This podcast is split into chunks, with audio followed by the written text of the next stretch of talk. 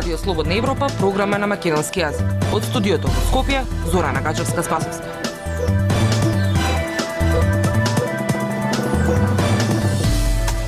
Почитувани, ја слушате емисијата на Радио Слободна Европа. Политичките препокувања ги напомнија скопските улици со ѓубре. Со мерките на Народната банка, можно за уздавање на цените на становите. Министерството за здравство ќе казнува лекари кои го злоупотребуваат мој термин. Слушајте не. Независни вести и анализи за иднината на Македонија. На Радио Слободна Европа и слободнаевропа.мк. Скопје трет ден се дави во ѓубре. Скопските градоначалници од сите партии се само организираат за чистење, бараат трансформирање на јавното предпријатие комунална хигиена и предавање на ингеренциите и механизацијата на општините. Од град Скопје уверуваат дека чистењето на отпадот се враќа во нормала. Повеќе од Петар Клинчарски.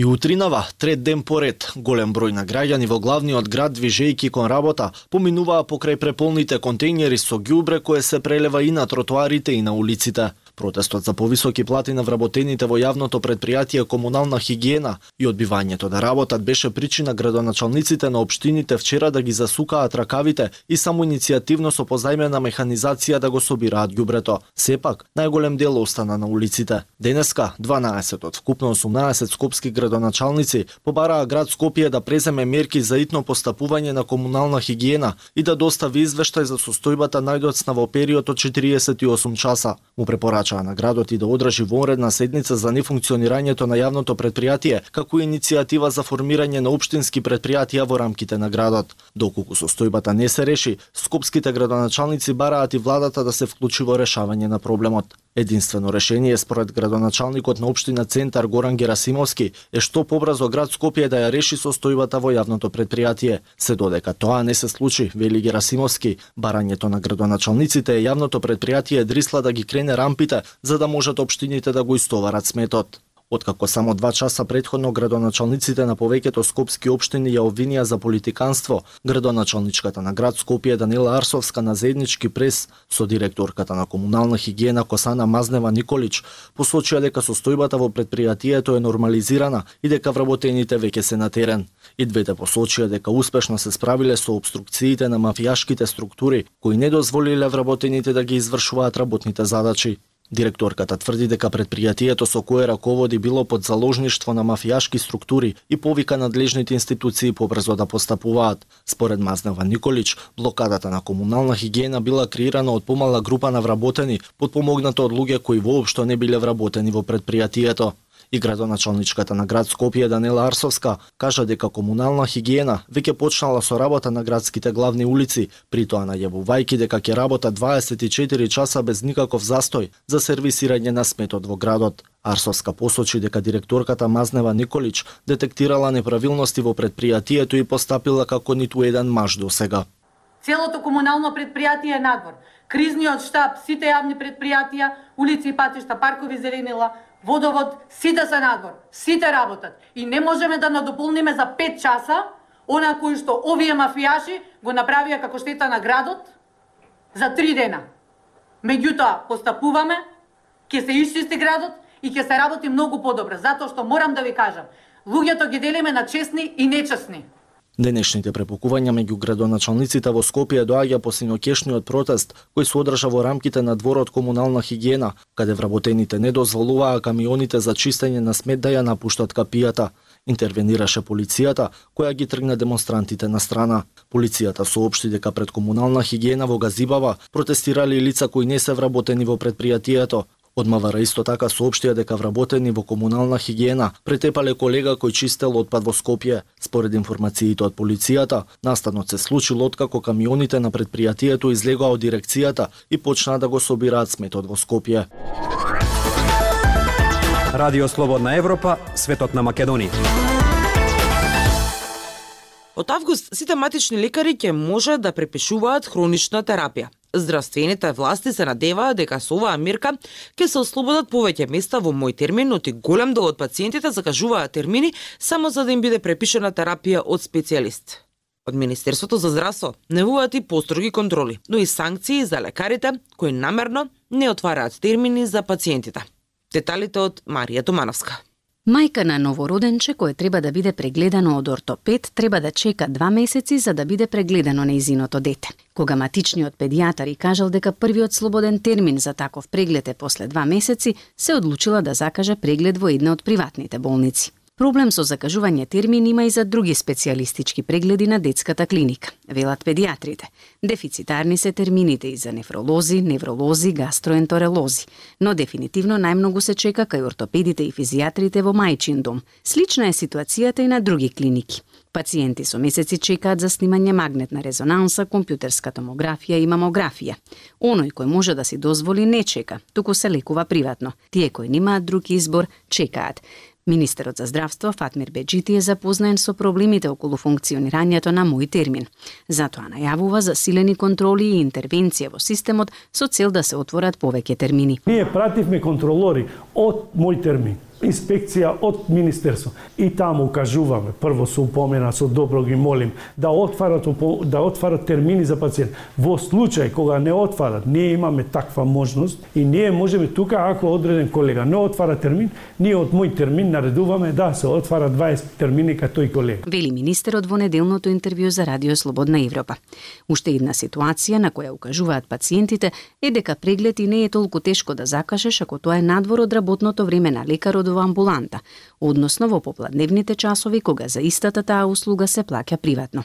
За можните злоупотреби на мој термин, првиот човек на здравството најавува и санкции. Ние прво апелираме, значи такви имаме такви механизми и мерки, апелираме, даваме до знаење ако тоа не се прави, бараме од менаџерот на клиника да оди на дисциплинска да одговара зошто во крајно време ако тоа не се прави, ќе се санкционира и менаџерот на, на здравствена установа или на клиника и самиот лекар. Една од мерките со која се очекува да се стави ред во системот мој термин е така нареченото дисперзирање на хроничната терапија. Според проценките на ресорното министерство, околу 40% од пациентите доаѓаат на клиниката само за да препишат хронична терапија. Затоа од следниот месец ќе им се дозволи на сите матични да ја препишуваат. Матичниот лекар Лири Дондиша, кој има своја ординација во Тетово, очекува овој потек да ги намали гужвите во секундарното здравство и да ги намали нервозите околу закажување термини. Најавата да дека матичните лекари може да препишуваат хронична терапија е добродојден, но лично сметам дека треба да се ограничи само на специјалисти по семена медицина. Убеден сум дека специјалистите по семена медицина се добро обучени за дозирање и препишување на адекватна терапија. Инако електронскиот систем за закажување прегледи мој термин беше воведен во 2014 година. Целта беше да се улесни пристапот на пациентите до здравствените услуги и да се води евиденција за нивната здравствена состојба. Слободна Европа. Следете на на Facebook, Twitter и YouTube. Со последната мерка што ја донесе Народната банка, може да се заузда растот на цените на нови станови. Од Народната банка велат дека нивната цел не е директно да се влие врз пазарот на недвижности, туку банките да се заштитат од евентуални ризици. Деталите за оваа тема од Владимир Калински. По трет пат оваа година Народната банка ја минува така наречената стапка за противцикличен заштитен слој на капиталот на банките, што значи дека банките ќе мораат да чуваат повеќе резерви и со тоа да ги намалат средствата за давање кредити. Како што објаснува поранишниот гувернер на Народната банка Петар Гошев, Мерката е превентивна и насочена да влијае на обезбедување капитал во случај на несакан напад врз финансиската стабилност на банките – но намалениот кредитен потенцијал на банките, додава тој, индиректно може да влијае и врз смирување на пазарот на недвижности. Логично е дека со мерката се намалува ликвидниот потенцијал на банките за кредитирање, но имајќи предвид дека банките располагаат со прилично ликвидни средства, јас не очекувам дека тоа ќе изврши некаква контракција врз динамиката на кредитирање, вели Гошев за Радио Слободна Европа. Новата повисока стапка за противцикличен заштитен слој на капиталот на банките ќе се применува од 1 август и ќе биде зголемена за 0,5% според податоците на Народната банка. Зголемување на оваа стапка предходно имаше направено во декември 2022 година и во јуни 2023 година. Од Народната банка во одговор за Радио Слободна Европа наведуваат дека мерката е преземена за понатамошно јакнење на отпорноста на банкарскиот систем на ризици, но дека при незиното носење земени се предвети состојбите на пазарот на недвижности, кои како што велат упатуваат на потреба од предпазливост. Со овој инструмент Народната банка ги поттикнува банките да бидат ликвидни за да можат да ги исплаќаат своите побарувања без разлика што ќе се случува на пазарот, на пример ако економијата падне во рецесија банките ќе мораат да чуваат поголем дел од својот капитал на своите сметки, но со тоа ќе го намалат обемот на давање кредити, вклучително кредити за недвижности кои во изминатиот период покажаа висока стапка на раст.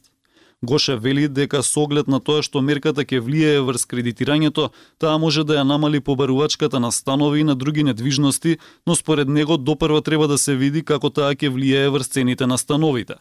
Ако мерката влијае на побарувачката на станови и на недвижности, тоа значи дека може да действува кон зауздување на растот на цените на овој сектор.